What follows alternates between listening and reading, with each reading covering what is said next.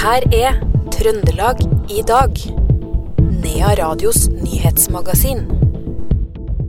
Stjørdal kommune setter Helseplattformen på vent til 2026 og går inn i et nasjonalt samarbeid med Bærum, andre kommuner og KS for å se på nye journalløsninger.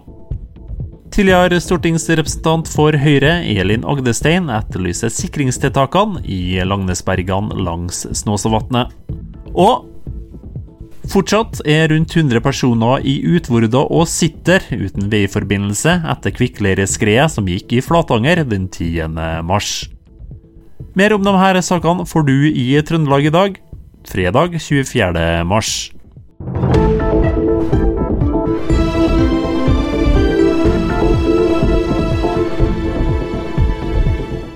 Først skal vi til Stjørdal.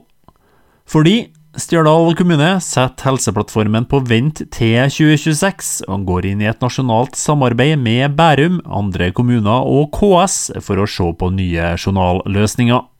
Kommunedirektør i Stjørdal kommune, Tor Jakob Reitan, sier at de har innledet dialog med kommuner utenfor Midt-Norge for å være med på den anskaffelsesprosessen som resten av landet gjør med et nytt journalsystem.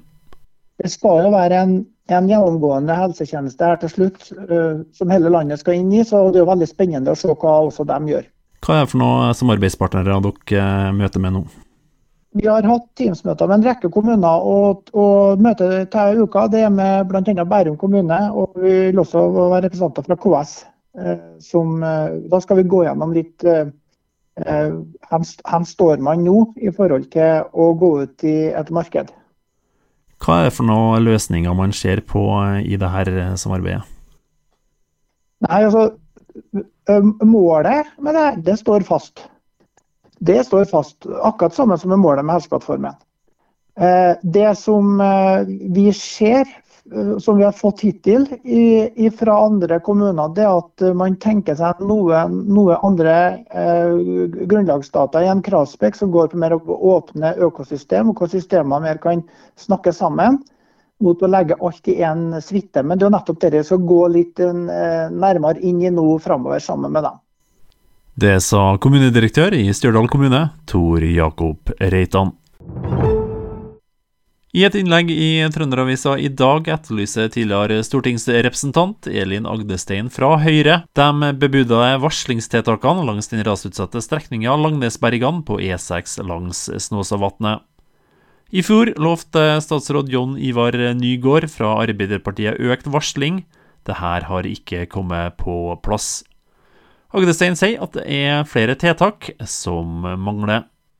Og det går jo bl.a. på uh, skilting av, uh, um, av strekningen da, nord og sør for uh, rasområdet. Det handler om patruljering, og det handler om vakthold 24-7, sånn som statsråd Nygård har lovt. Og ingenting av dette her har kommet på plass ennå. Det er vi jo veldig bekymra for, for dette handler jo om sikkerheten til trafikantene. og jeg syns nå at det er på tide å utfordre statsråden på når en tenker at dette her skal komme på plass. da.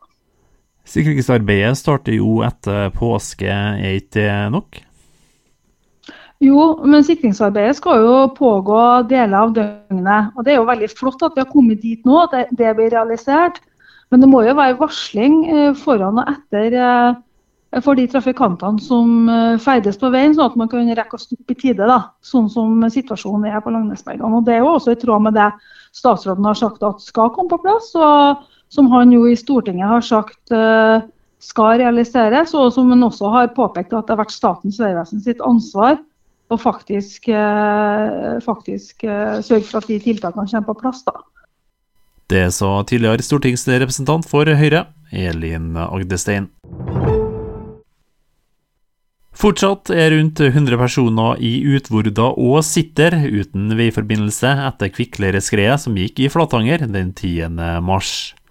Raset, som var rundt 150 meter bredt, inneholdt like mye masse som 30 000 lastebillass.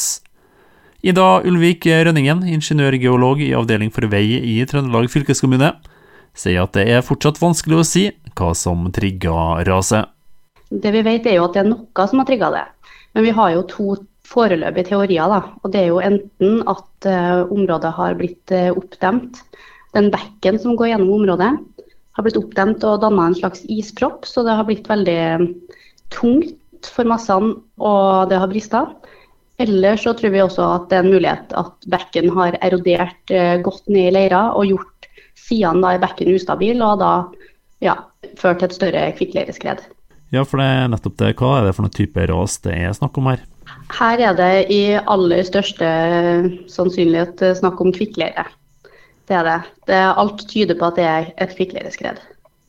Hva, hva er situasjonen i rasområdet sånn som det er nå? Situasjonen akkurat nå er at veien er stengt inntil videre.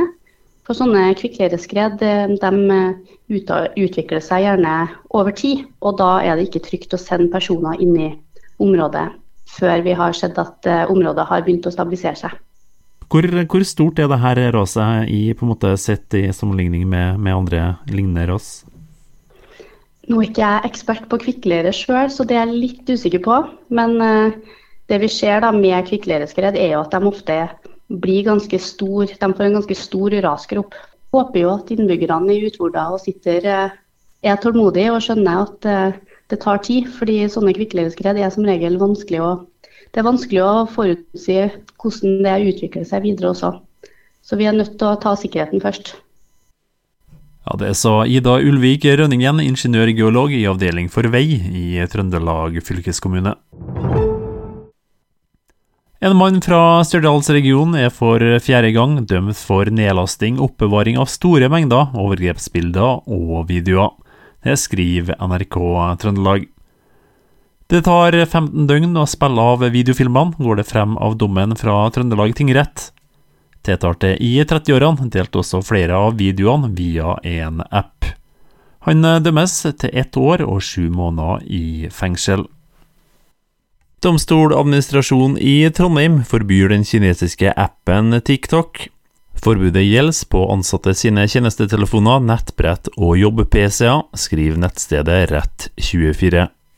Årsaken er at Nasjonal sikkerhetsmyndighet har konkludert med at appen utgjør en sikkerhetsrisiko. Kristelig Folkeparti greier ikke å stille liste til kommunevalget til høsten i Steinkjer. Årsaken er at de mangler folk, skriver Steinkjer-avisa.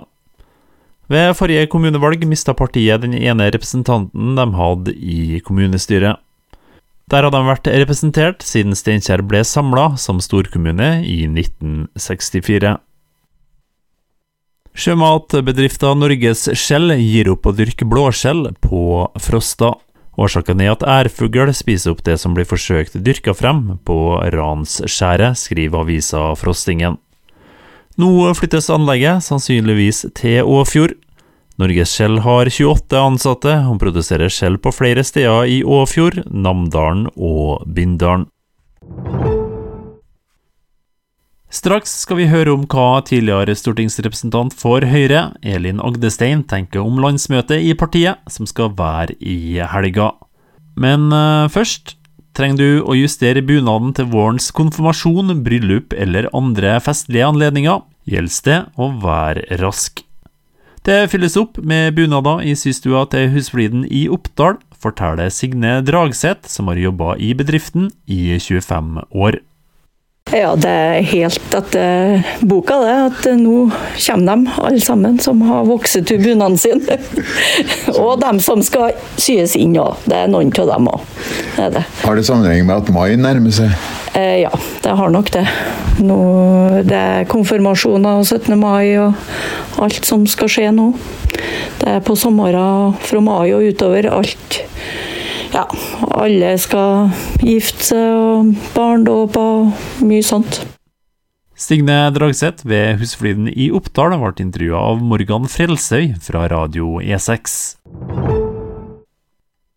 I dag starter Høyres landsmøte på Gardermoen. Det er et parti som flyr høyt på meningsmålingene etter rekordoppslutninga i Trondheim, hvor over 33% av de spurte sier at de vil stemme på partiet i kommunevalget til høsten. Elin Agdestein sier at det er god stemning i partiet, men at man er klar over at man ikke kan lene seg tilbake og flyte på gode meningsmålinger. Jeg tror det er en veldig optimistisk gjeng som møtes på, på Gardermoen på Høyre sitt landsmøte. Det er jo vårens vakreste eventyr for Høyre-politikere. Vi har jo landsmøte hvert år, så, og det er jo masse spennende tema som skal opp til debatt der. Og eh, Fra Trøndelag i Høyres side så har vi jo særlig løfta to tema. da. Det ene er jo eh, forsvar, og det at uh, Norge må oppfylle sine Nato-forpliktelser. Og så er det tema grunnrenteskatt og havbruksnæringa som er viktig for oss. Og Det tror jeg blir et tema som kommer til å engasjere veldig mange av delegatene denne helga her.